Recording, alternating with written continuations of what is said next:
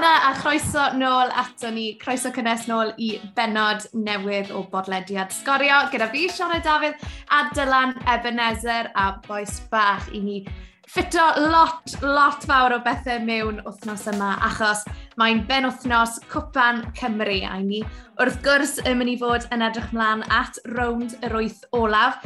Mae Mael Davies, chwaraewr Pen y Bond, chwaraewr ifanc y tymor, tymor diwetha yn mynd i fod yn ymuno a fi Adel i ni'n mynd i fod yn clywed o boes ffynon taf. Maen nhw'n teithio i Ben y Bont penwthnos yma. Mae ni hefyd yn mynd i fod yn clywed gan rheolwr Bai Colwyn, Steve Evans a Greg Draper o Gigidfa. Felly, syddwch nôl, mwynhewch, croeso i bodlediad sgorio.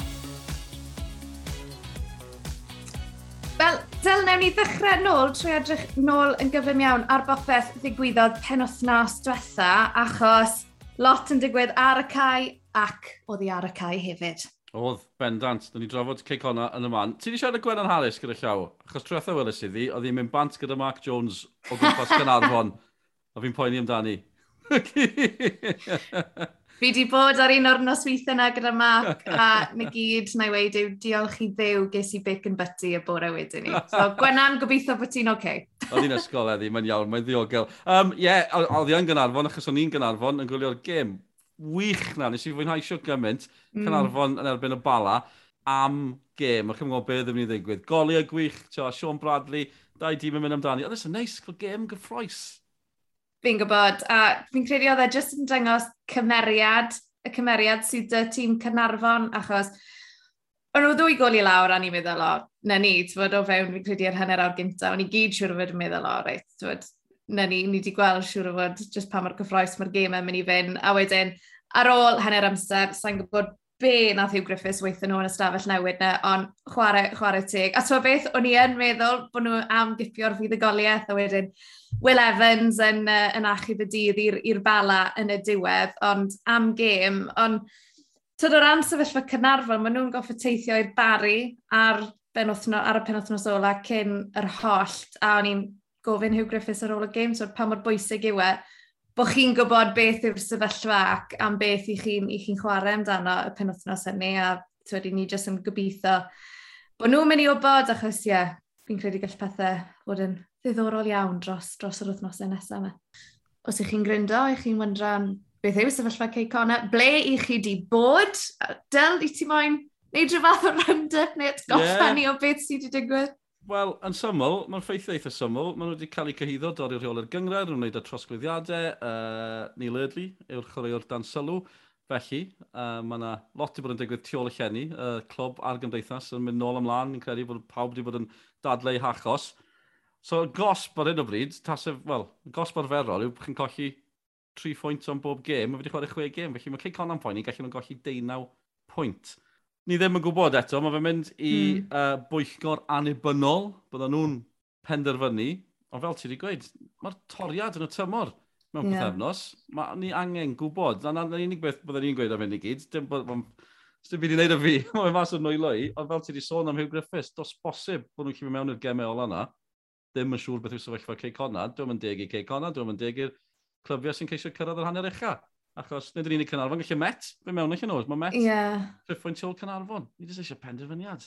So am o'n i gallu nhw chwarae'r gemau ola yna, gyda Cynarfon a'r Met yn mynd amdani, o ran, mm. os ydyn nhw'n gorffen yn y seithfed, a bod rhywbeth yn digwydd, bydden nhw'n cymryd lle cei conna, ond allan nhw'n dachrau'r ail ran, allan nhw. Allan nhw'n gosod allan nhw'n ddechrau'r ail ran y tymor, tas sy'n ni'n digwydd. Mae'n ben tost, fi'n gwybod, mae yna bobl clyfar, bobl cyfreithiol ynghlwm a hyn i gyd, felly gen i weld beth ddaw. A fi'n gwybod, mae'n syml gweud, ni angen penderfyniad, ond pan mae yna mm. gyfreithwyr yn dechrau dod mewn i'r sefyllfa, dwi ddim mor syml a hynny. Mae wedi digwydd o blaen ddyn nhw, a ni di Wel, o'n i just yn mynd i weid. Yeah. O'n i di anghofio'n llwyr am hyn. Uh, Wel, dyma hwn fydd yr eildro o fewn degawd i geicona fethu a chyrraedd y chwe uchaf oherwydd bod nhw wedi chwarae chwaraewr anghymwys. Um, so, ie. Yeah oedd e'n ffynnu mewn uh, chwarae sydd ddim a lot o ddiddordeb ym Hill Road.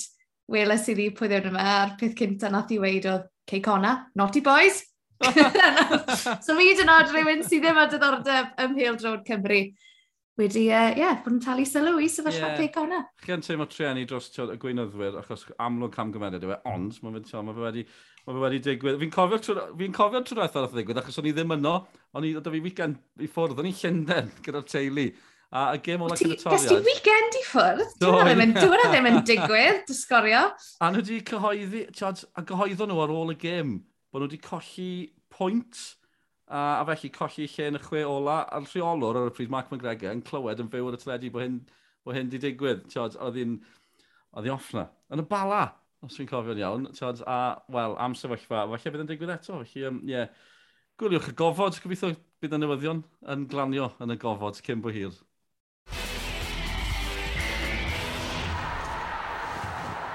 Nawr, gan bod ni'n sôn am Gwpan Cymru, mi'n fach gweud bod ni'n cael cwmni rhywun fydd yn ei chanol i Brynawn di Sadwn. Mae'n fyw ar sgorio Pen y Bont yn efo'n ffynon taf, a mae Mael Davies o Ben y Bont gyda ni ar y pods. Croeso ato ni, Mael, mae'n gret cael ti ar y pods. Diolch yn fawr, plas ar yma. Edrych mlaen y cwpan di Sadwn? Um, o'r un, edrych mlaen yn fawr iawn i fod yn onest. Um, gêm cyntaf fi chwarae yn, uh, yn Cwpan Cymru Lenny, um, wedi cael ei gwahardd o'r Carden Coch blynyddoedd Um, a Covid yn dymewn a popeth. Um, felly ie, yeah, yn bersonol hefyd, fi'n erch mlaen. O'n i'n cofio am hwnna. O'n i'n cofio yeah. gadael goch na. yn, erbyn, yn erbyn pen y bont, actually. Ie. Yeah. Amser ni'n chwarae i uh, Met Gyrdydd. So, ah! yeah. Mae'n rhyfedd o fyd. Ti'n meddwl mae'n apam o Rhys Griffiths, ti'n gweld ti'n fi licor boi ma, mae'n bach o Bach o guts, dyna. Ie, bach, bach o'n fi am sy'n mynd chwarae. Ie, beth am y tymor yn gyffredinol? Siw mae pethau fynd ti'n teimlo teimlo'n pen y bont? Chi'n ail, George? Mae'r tabl yn edrych yn dda iawn. Ydy, um, o'r tymor yn mynd yn dda iawn i gwir i gwir. Um, ni jyst yn mynd um, gyda'n busnes yn, yn dywel bach a wedi cripo lan, lan y tabl bach a um, yeah, mae'n edrych, edrych yn bert iawn ar, ar funud. Be fi'n licio am Ben y Bont, Mael, yw fywyd o dyl, bod chi kind of di mynd yn dod yr edel, pawb yn sôn am Flint, achos nath nhw ddechrau'r tymor mor, mor grif. Fi'n cofio wnaethon ni cyfweld y ti tymor diwetha, ti'n sôn am Rhys Griffiths, a dde kind of a gweud, oce, okay, twyrwch chi'n wecher, nawr chi mae'n pumed, trydydd, neu pedwerydd, nawr chi mae'n trydydd, mae fe fel bod chi just, bod eich rheolwr chi ond hefyd bod chi fel garfan, unwaith i chi'n cyrraedd rhywbeth neu'n neu, cyflawni rhyw nod, chi'n meddwl, reit, ni moyn gwella nawr, ni moyn yr un nesaf.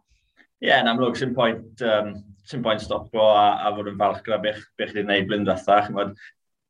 Gyda'r garfan sy'n gyda ni'r blwyddyn hyn, um, mae pob un y moyn llwyddiant a wedi cael bach o blas o fe o fod yn y play-offs blwyddyn ddatha a yn anlwcus yn colli mas. Felly, ie, yeah, fi'n credu um, tymor yma ni'n ni edrych i mynd am yr ail safle a hefyd gobeithio cyflawni rhywbeth yn y Cwpan Cymru achos mae fe'n ma ffordd mewn i Ewrop. Fi mae'n gofyn, Mael, achos mae bach o joc dyn ni dy criw sgorio o ran reinio ni sy'n byw yn y de, a ni wedi bod yn gweud diolch beth am ben y bont, achos chi yw'r unig un o'r de sy'n wel, sy yn y chwe ucha tymor yma. Twyd, chi wedi gwneud tipyn o deithio lan i'r gogledd, y Seinti Newydd, Flint, Bala, mae'r gogs i gyd o'ch amgylch chi yn y chwe ucha yna, felly siwr mae'r ma mileage yn y car yn edrych. Cos mae ni'n yeah. terrible. Wel, ni'n edrych lwcus, mae'n... Ma mile edge. Mile, mile edge. Na, oh, oh. Hey, hey, hey. Ond na, ni'n ni eitha lwcus, mae lot o'n ni'n byw o bwys yn gilydd, so ni'n siario lift a ni'n cael um, good, good crack lan ar y ffordd. Um, a, wel, ni'n ni, paratoi yn, yn ddaeth hefyd. Um, chymod, os ni'n mynd lan y gogledd, ni'n aros dros nos. Um, felly mae hwnna'n helpu. Mm. Um, ond ie, yeah, ni'n ni joio ymlaen i cael y weidau bach gyda'r boes. Um, pwy um, pwy yw'r DJs yn y ceir? Um, pwy, neu pwy sydd yr playlist gweitha yn y carfan? DJ, DJ ni, Liam Walsh. Okay. Um, fe, fe yw'r DJ. Um, hmm, blas gweitha'n music, Ben Amwn Road. yeah. Pam ni? o, oh, lot o, lot o grain a o fras a'n cyn ar stwff yna. Fi, fi gyda ti, ond fi'n hyn. Da fi hawl i ddweud hynny. Hefyd, just, just put bach gen i symud mlaen. Fi'n sori ti am Cymru Ec, wrth gwrs, mwynhau'n dod lan fe. Ond ti'n beth, fi'n sylwi, lot o dorf yn sydyn yn gêm y pen y bont, ni'n golygu bwyntiau sgorio, mm. llwyth o bobl tu ôl y, y gôl, y boes bari'n cwyno, mae Mike Lewis yn apus, yn gyfach y stick, ond mae fe'n gret gweld hyn, yn uwch yn Cymru, um, neis cael y awyrgylch. O, yn amlwg, mae fe, mae fe'n, mae nhw'n teimlo fel fel 12th man, really. Um, mae fe'n pwysio ni mlaen. Um, a lot o blant hefyd, plant yr academy, so mae fe'n neis i nhw dod i watcho hefyd, a cael gweld falle ble bydden nhw'n chwarae yn, yn blynyddoedd i ddod. Um, ond ie, yeah, mae'r tîm yn neud yn dda, a mae'n mae neis i cael y cefnogaeth. Cymru Cup, mae ni mae'n gofyn i ti am hwn yn gloi, achos degfyn ar hugen o fawrth yn yr ofal, fydd Cymru Cup nôl ers, am y tro cyntaf ers 2019. Yw yna'n rhywbeth sy ar gyfen dyfeddol di? Wedi yw e, yn uchelgais i ti moyn, i ti moyn cyflawni? Um, yr un, ddar, ddar i fe dod, dod mas, cael ei goeddi. Um, mae fe wedi bod ar um, bac yn meddwl i. Um, ond chi'n bod, fi'n fi moyn chwarae'n dda i pen y bont, a gobeithio os fi'n cadw ymlaen chwarae'n dda i pen y bont, felly deith y cyfle, ond ie, yeah, mae fe'n ma fe uchelgais i fi, joio'n ei chwarae i, well, i, i Cymru.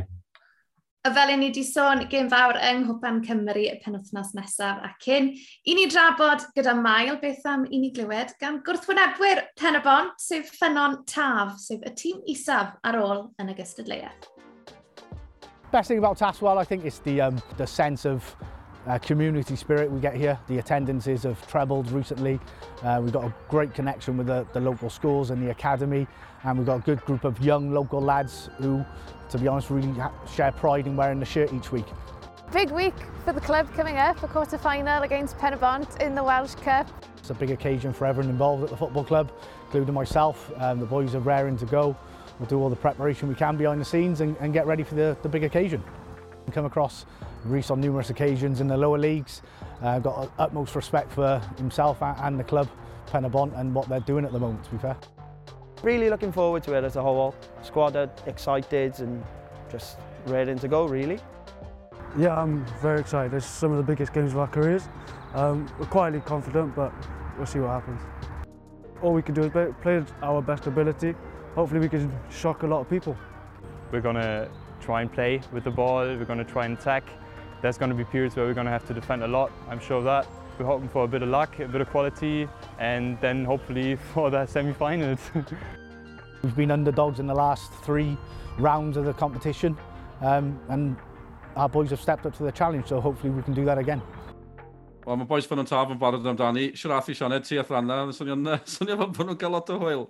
O, to fi, geithon ni siwgr mewn dosfart. O'n i yn yr edit yn golygu'r eitem sydd yn mynd mas ar gyfryngau sgorio wythnos yma. Felly ceirwch chi weld hwnna os ydych chi heb welen barod. A o'n i yn yr edit suite gyda'r golygydd jyst yn, yn werthyn ar y cyfweliadau wnaethon ni. So, war y teg, geithon ni croeso cynnes iawn. Um, a mael, mae e, wel, bron yn, yn ddarbu, bron hanner awr lawr yr M4. So dylse fod na growd eitha da am hen y bont. Ie, yeah, gobeithio ni, fel, fel bob wythnos, gobeithio bod e'n um, cynnyddu a cynnyddu bob wythnos, ond ie, yeah, gêm, um, gêm darbu, doi tîm lleol i gilydd, um, felly ie, yeah, gobeithio am uh, diwrnod, diwrnod da.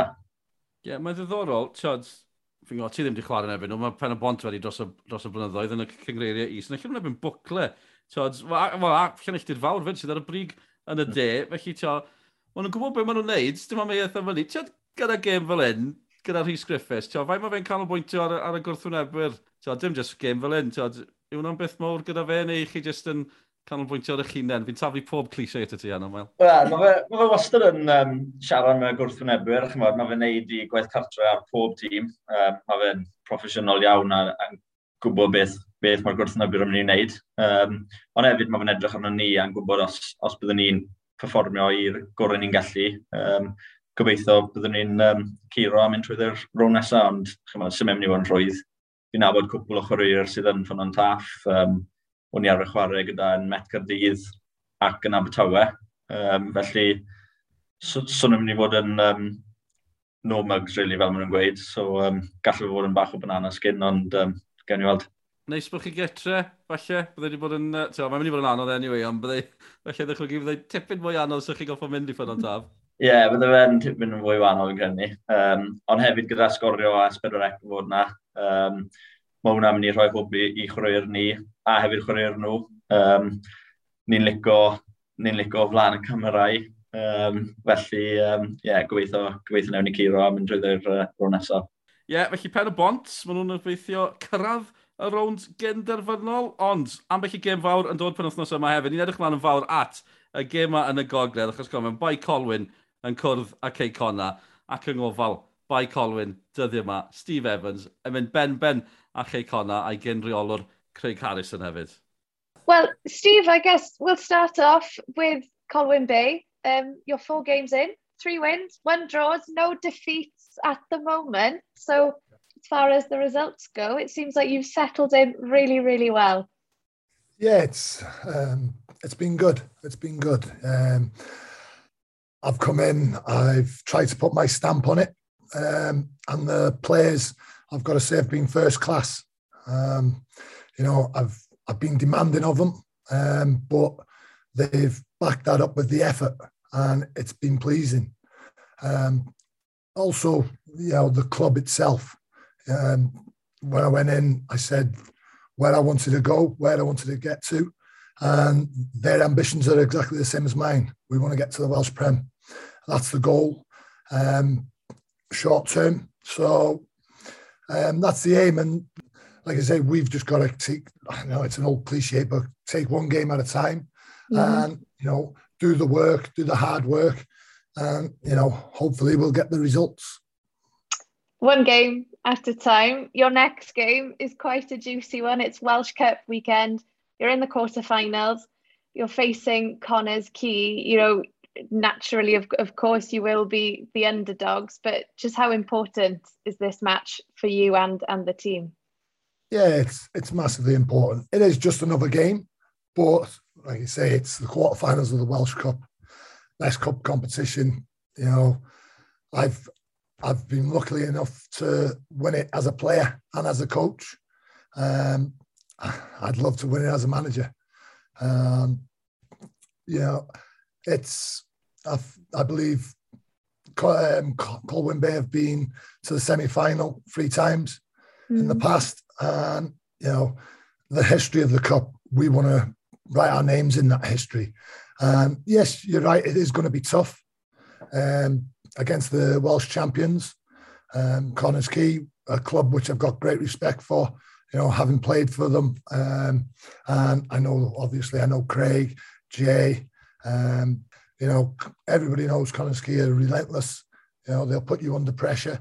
We've got to stand up to that, and then we've got to go and impose ourselves on the way we play. And if, like I say, we put the hard work and the effort in and the desire, um, I'm I'm confident that we'll get the right result.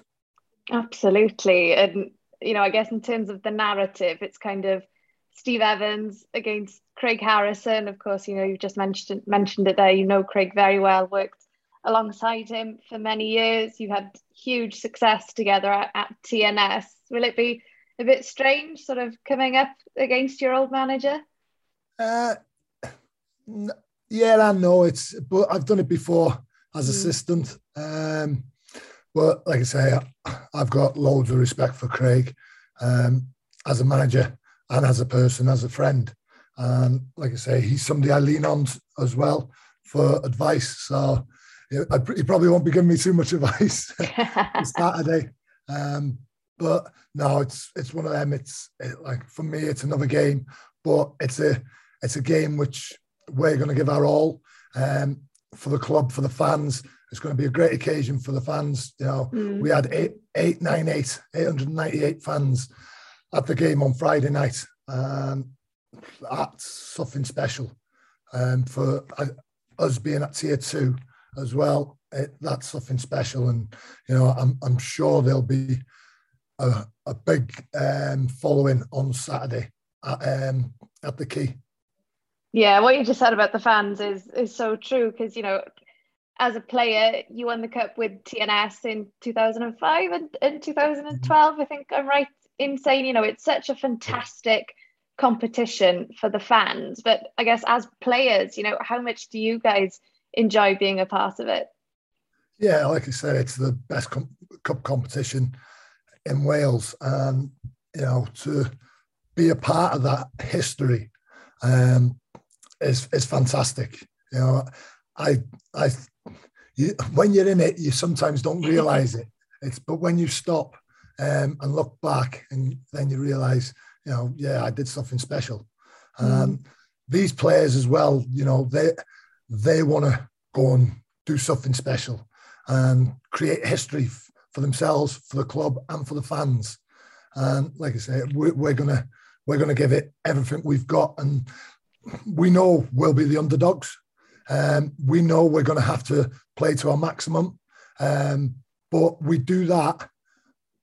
I truly believe we will um, go and win the game. You know, you've mentioned being the underdogs. You were the underdogs in the last round. I know you weren't the man in charge, but you know, you knocked out Cardiff Met of the cup at home. How much of an inspiration do you think your players will take from that result? Yeah, massive um, confidence. You know, Cardiff Met, um, great team. Christian's done great things there, and you know, only just narrowly lost in the um, final last week against mm. Quay on, on pens. So, you know, there's there's always shocks um, in football. I look at what Steve Cooper's doing at Not, um, Nottingham Forest.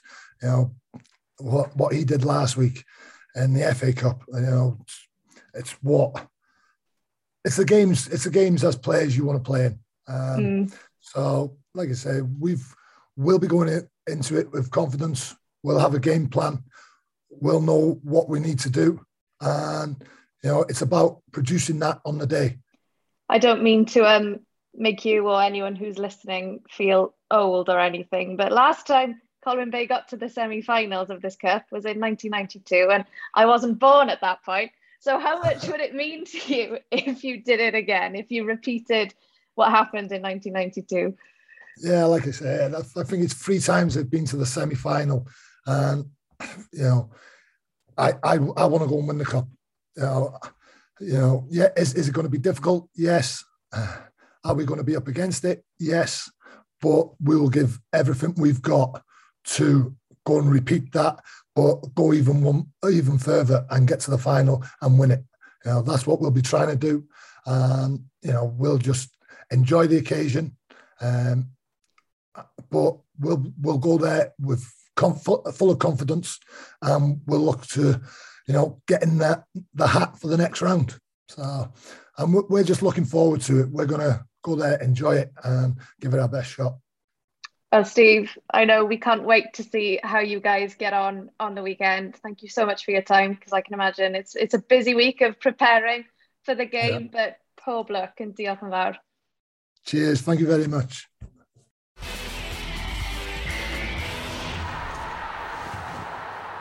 Steve Evans fyna, neu Sean Dice, ni byth coet yn siŵr fel hyn, a'r sgorio na gen i.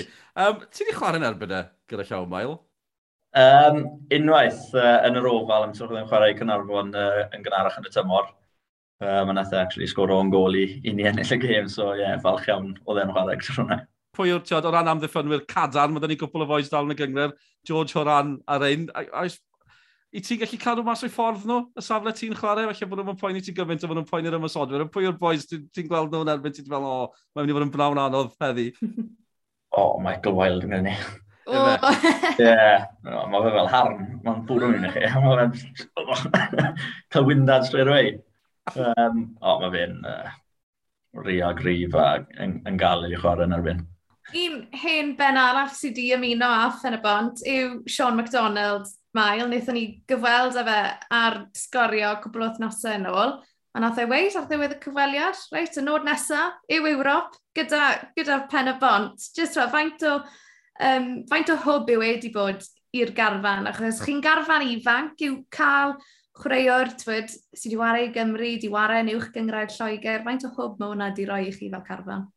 Odi, um, mae wedi rhoi hwb enfawr i'r chwaraeir. Um, fel wedwch chi fyna, mae fe'n dîm ifanc. Um, a fi'n credu i um, cael llwyddiant yn y gyngor, mae rhai cael rhai hen sydd wedi chwarae am blynyddau. Um, felly mae gyda ni Ashley Evans nawr a Sean MacDonald a mae jyst safon yr ymarfer hyd yn oed wedi codi ddari Sean do mewn. Um, a yn amlwg yn ei chwarae fe, mae fe'n um, mae fe chwaraewr o brofiad a mae fe'n dda iawn, um, mor gyffyrddus ar y pel, a, a mae fe'n um, ma fe helpu'r chwaraewyr ifanc mas hefyd. A ni'n meddwl gofyn siwm wedi setlo, ond dim pwynt gofyn siwm o Sean McDonald wedi setlo, a ni'n siarad y Sean ar y podlediad cwpl o thos nhw, mae'r boi mwyaf ffein yn y byd. Mae fi'n cymryd yeah. bod wedi setlo mewn yn iawn felly. Ydy, um, a na beth mae Rhys Griffiths yn edrych am, fi'n cofio cael uh, cyfylau gyda, gyda Sean Ed yn pen y bont tymor diwethaf fi'n credu, a wedd Rhys Griffiths yn gweud um, bod e'n hoffi um, sein o pobl mae fe'n gallu gweithio gyda, a pobl, pobl ffein iawn. Um, a mae fe'n person mor, mor neis, a hefyd mae ma safon gyda fe, a mae fe wedi adio rhywbeth, um, rhywbeth mawr i'r clwb. A hefyd, achos mae fe di newid y safle mae fe'n ware, achos chwaraewr canol ca yw, yw Sean MacDonald, ond dath e mewn am y Rhys Griffiths di gweud, no, I want you at the back. Ie, yeah, so, ie, yeah, centre back mae fe'n chwarae, a mae fe uh, ar yr ochr dde, so fi reit a bwysau a mae fe jyst mor, um, mae fe'n siarad gyda fi, mae fe'n fe neud job fi lot yn haws hefyd. Um, ond nath e chwarae canol can erbyn bari nos wyn, er a nath e just control o fe. Fi'n gallu gweld pa maen nhw'n gael fe the Penlan Zidane. O'n i beth ti weid, achos Penlan Zidane oedd i nickname Ed Abertawe, a nath rhywun ar Twitter o grymu nawr bod enwarau yn yr amddiffyn, the Penlan Feran sydd eisiau fe fod. Ah, da, da.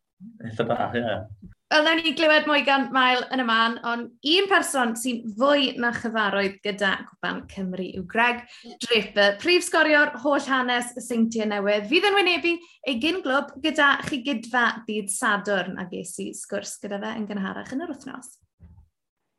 Well, Greg, it's great to see you. And first of all, I think I'll take you back to the summer because I think it was a bit of a shock to see you sign for Gilsfield in tier two and not long after you broke TNS's all-time um, record um, goal scorer. You know, how did how did that move come about in in the first place? And are you enjoying yourself? I am enjoying it. Yeah, um, it's to be honest, I've been sort of quite close, um, quite close friends with the the manager and his whole family really since I moved to Oswestry. Um, he's an Oswestry lad. Um, and to be honest, they were probably the first sort of family who really sort of you know welcomed me in and sort of made me feel at home in Oswestry when I moved sort of you know to to TNS ten years ago. Um, so you know, I've always sort of been quite close with him, and obviously, you know, unfortunately, um, you know, my time time playing came to an end at TNS. Um, and so obviously he was straight on the phone saying, uh, "What's your plans for next season?" Um, so yeah, you know, we, we didn't rush into it, and obviously it was a bit of there was a few weeks um, sorting out my next move. Really, um, you know, I talked to a few clubs uh, in the Welsh Prem, and obviously the plan always was to go down the coaching route. Um, and just with the job that TNS uh, offered me, you know, they made it very clear that, you know, although I wasn't going to be a player, they they really wanted to sort of keep me on um, and make something work for both of us. And so, you know, we took a couple of weeks and we come up with a role that, you know, suited both, and I'm very happy with it. Um, so it just meant that I probably wouldn't be able to commit to to a team in the Welsh Prem um, in terms of you know training sort of as intensely as they would need and mm. being able to commit to games week in week out. So um, it just yeah, I mean Gilsfield was obviously just the perfect fit. Local team just down the road. Know a lot of the players sort of locally anyway. Um, so yeah, it was just uh, a good fit for me, um, and you know, a chance to sort of you know just do a do the manager a favour, I guess, for sort of how his family have looked after me. Um, you know, I'm enjoying it. It's worked out really well. I'd have liked. There's quite a few games I haven't played in, um, so I, you know, I would have liked to have played a few more games and sort of scored a few more goals. We got off to a great start in the season, 18 games unbeaten, I think, and we were sort of real contenders for the for the title. Um, just a few results recently have probably sort of you know made that um, not impossible, but it's going to be very hard work for us to sort of catch Airbus now. Um, mm. So, but yeah, there's there's a lot of games. Anything can happen. So we'll, um, you know, we'll get this cup game out of the way on Saturday, and then we'll sort of start concentrating on the league after that. Absolutely. I will quickly touch on Gilsfield season, which I guess yeah. you already sort of have, but it's almost been a season of two halves. You went on that incredible run. You were unbeaten up until January.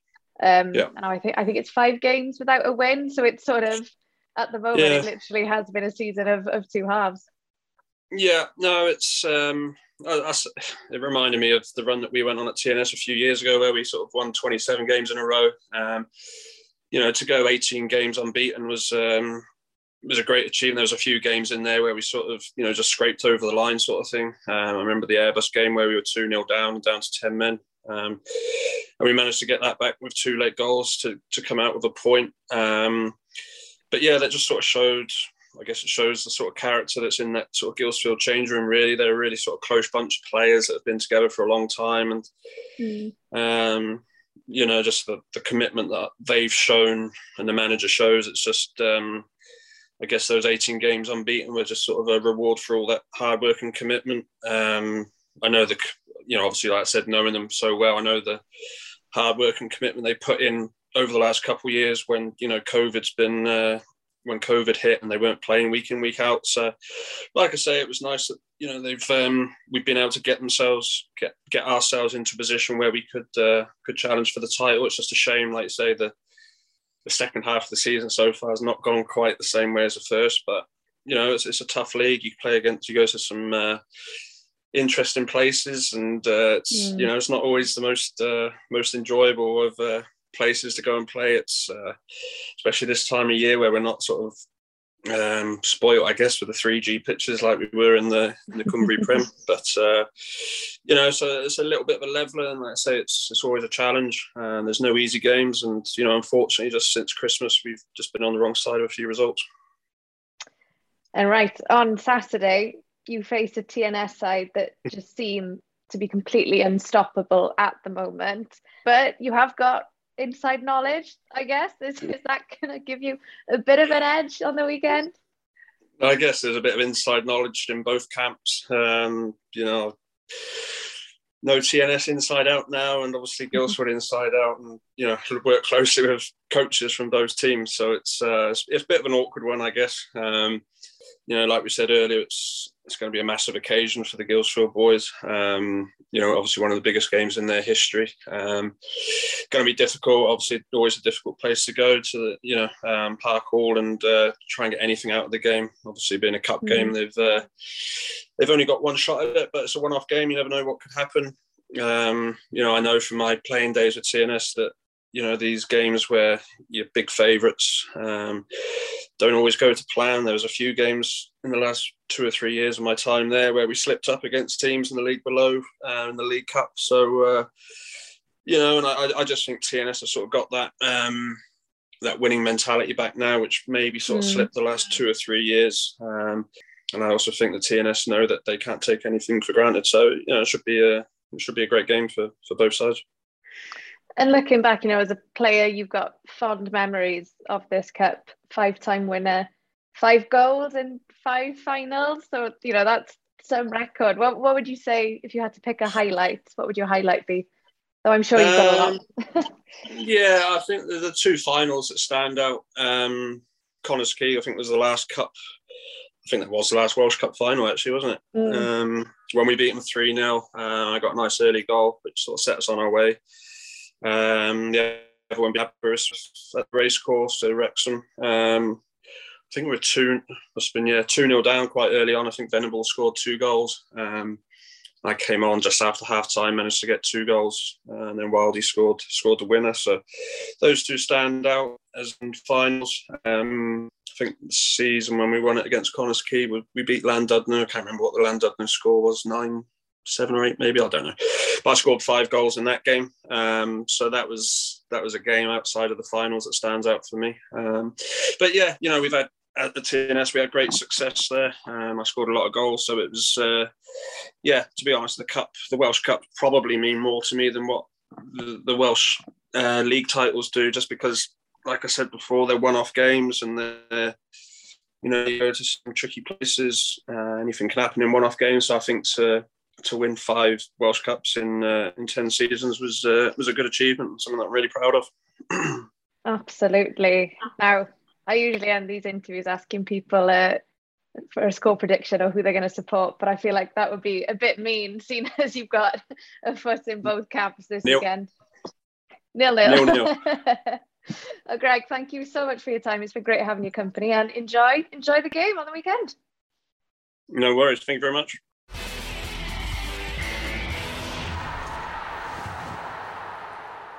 Greg Draper, um, fi ddim yn gweld nhw'n cael lot o look yn ebyn y seintiau newydd. Mae rhaid fi gyfadde, bydd ei angen bod yn uh, dipyn o berfformiad a popeth yn mynd yn iawn. Mae'n gallu digwydd cwpan, wrth gwrs, rhamant y cwpan, dwi'n taflu pob math o ystodebau allan heno. Mael Davies gyda ni, chwaraewr pen y bont, Clichés golo heno. Mael, uh, beth yw i am, am y cwpanau yma? Tiod, un nhw'n special, un nhw'n gemau yn teimlo bach yn wahanol yn gemau cyngrair?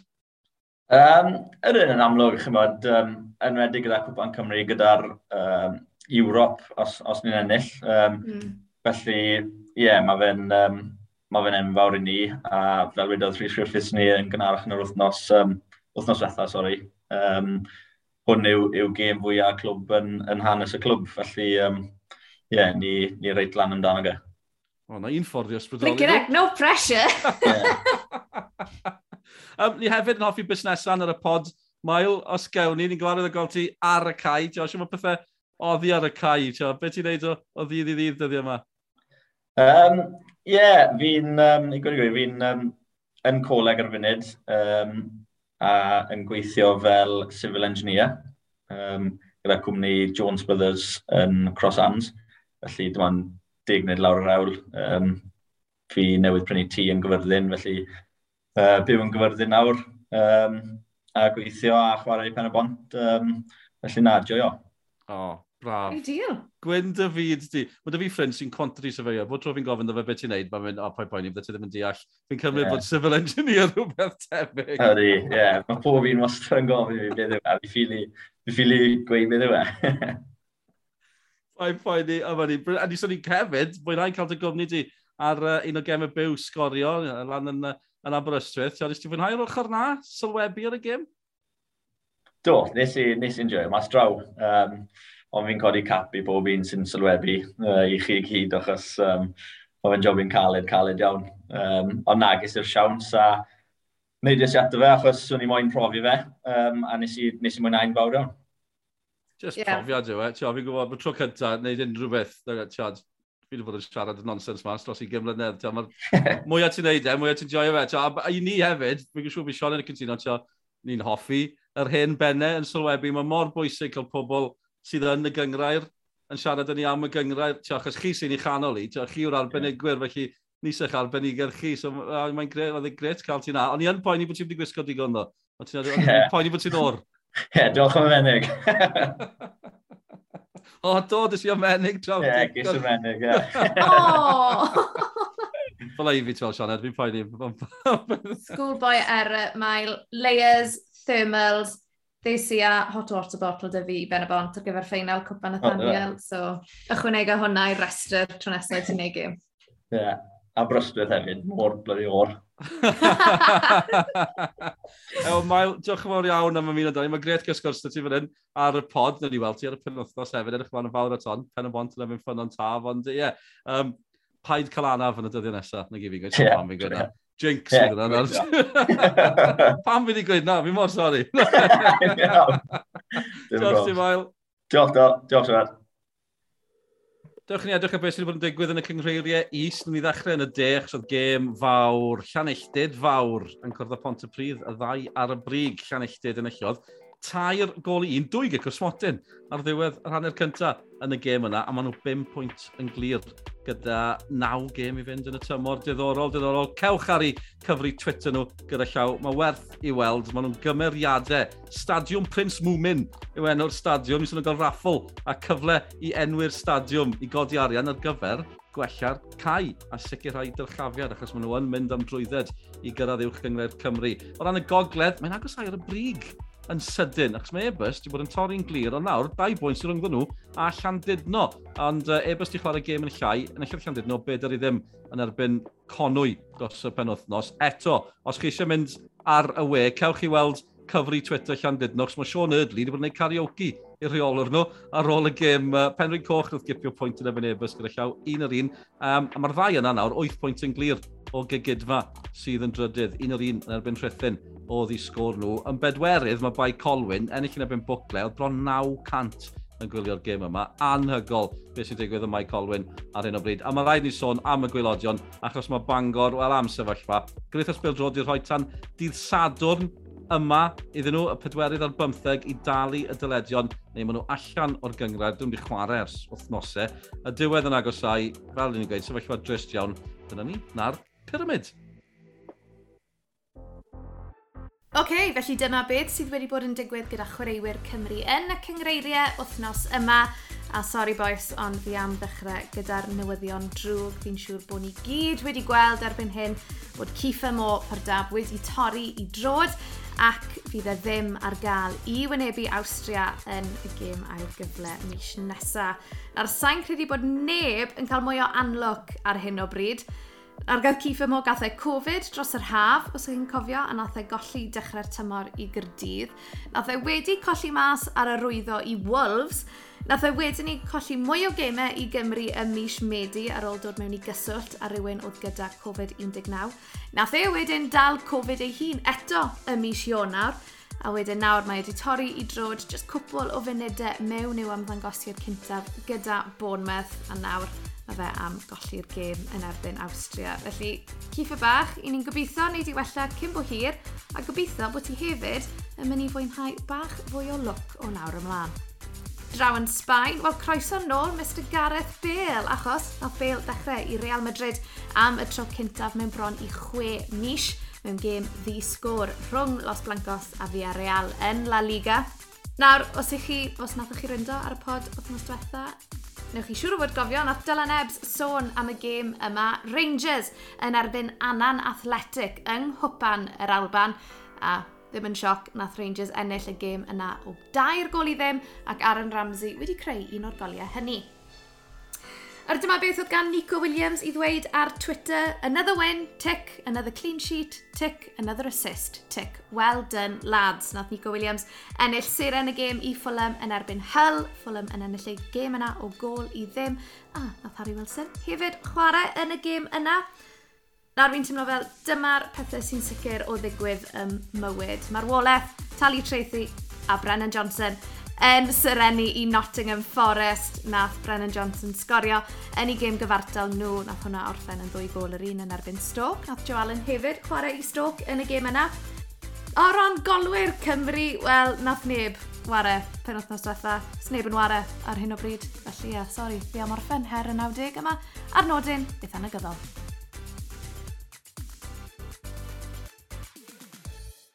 Wel iawn, ni ddim yn bwriadu gorffen y her yna ar nodyn mor negyddol. Felly ni am edrych mlaen, pen wythnos, really, really cyffroes. Fi'n dwlu ar gwpan Cymru. Fi ffili, ffili aros i weld pwy sy'n cyrraedd y rowndiau gynderfynol. A dylan, amser i ni roi'n pennau ni ar y plot. Ie, yeah, iawn. Oce. Okay. Nadw wneud hyn. Um, fi'n gwybod... Pic hwnna by Colwyn, awn ni ddechrau dyn nhw. Achos mae lle yn Ewrop, nag e? a dim ond i'n dim ond y dau ucha sy'n mynd i Ewrop trwy'r gyngrair, os y pobl ddim yn ymwybodol, Cwpan Cymru, lle yn Ewrop. Tio be, Massive. i gael y syml, fi'n mynd, fi mynd am uh, home wins yr holl ffordd, y clyfiau sy'n chwarae gartre. Okay, yeah. Fi'n meddwl sy'n mynd i ennill nhw gyd. Fi'n gwybod bod yn ddiflas, ond weithiau pan chi'n uh, proffwydo, keep it simple. Falle mae yn Aberystwyth neu yn y bala, falle fydd na stori. Chi'n meddwl, mae Aberystwyth, mae'n wrth i bod mewn sefyllfa fel hyn. Mae nhw'n dîm rhyfedd. Felly falle eisiau hwnna fynd uh, o blaid y tîm oedd i cartre, ond yn ôl gael bala pen othnos diwetha, o'n i'n meddwl bod nhw'n edrych eitha cryf er erbyn diolch y tair, dwi'n mynd lot o synwyr na gwe. Fi'n mynd am home wins, Sioned. Rai fi wedi, fi'n really edrych mlaen i ddarbu de Cymru y gêm sy'n fyw ar sgorio pen y bont yn erbyn ffenon taf. O'n i yn ffenon taf wythnos diwetha, a oedd pawb, o, oh, gethon ni laff. Oh my gosh, oedd pawb jyst mor mor neis, a nath y rheolwr addo bod e'n mynd i gael bobl hat ffynon taf i fi. Felly, wow. os i fi ddim yn cael hwnna di sadwrn, byddai wedi siomi. Ys i gael, ys i cwpan Cymru, pan cael Conor chwarae'n Abertileri, Lodwen o Mary o Abertileri, Bluebirds, a roi'n nhw hat i fi, a roi'n gofyn am cash ar y diwedd. a nes i gyfrannu at y gronfa. Na, edrych ma'n fawr at, at Cwpan Cymru. Mae'n mynd i fod yn, yn sport ar y penwthnos.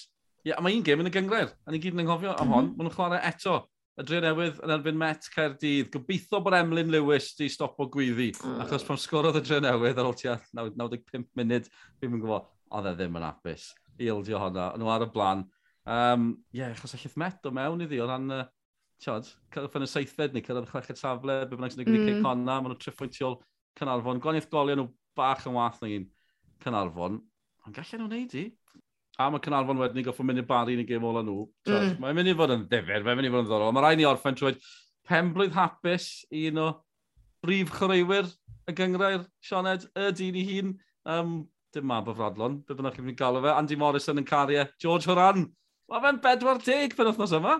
George Haran yn 40 o dydd sadon a ffawyll ffordd i ddathlu dyl na chwarae mewn gêm Cwpan Cymru yn erbyn bai Colwyn. So fi'n gobeithio, wel, bydd rhyw fath o ddathlu yn digwydd. Bydd dathlu'n digwydd bydd bynnag fi'n siŵr. Ie, yeah, a'r hen joc am cerdiau, fi'n gofyn yn hoffi cerdiau coch, jyst cerdiau pen blwydd pen wythnos yma.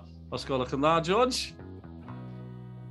Oce, okay, dyna ni. Ni wedi cyrraedd y diwedd penod hynod o brysur penwthnos yma, ond am reswm da, mae'n benwthnos Cwpan Cymru a fi'n sgorio yn fyw o Benabont ar gyfer i gêm nhw yn erbyn Ffynon taf i hwnna'n fyw am hanner ar wedi diddeg a'r Esbrore i Sadwrn yma.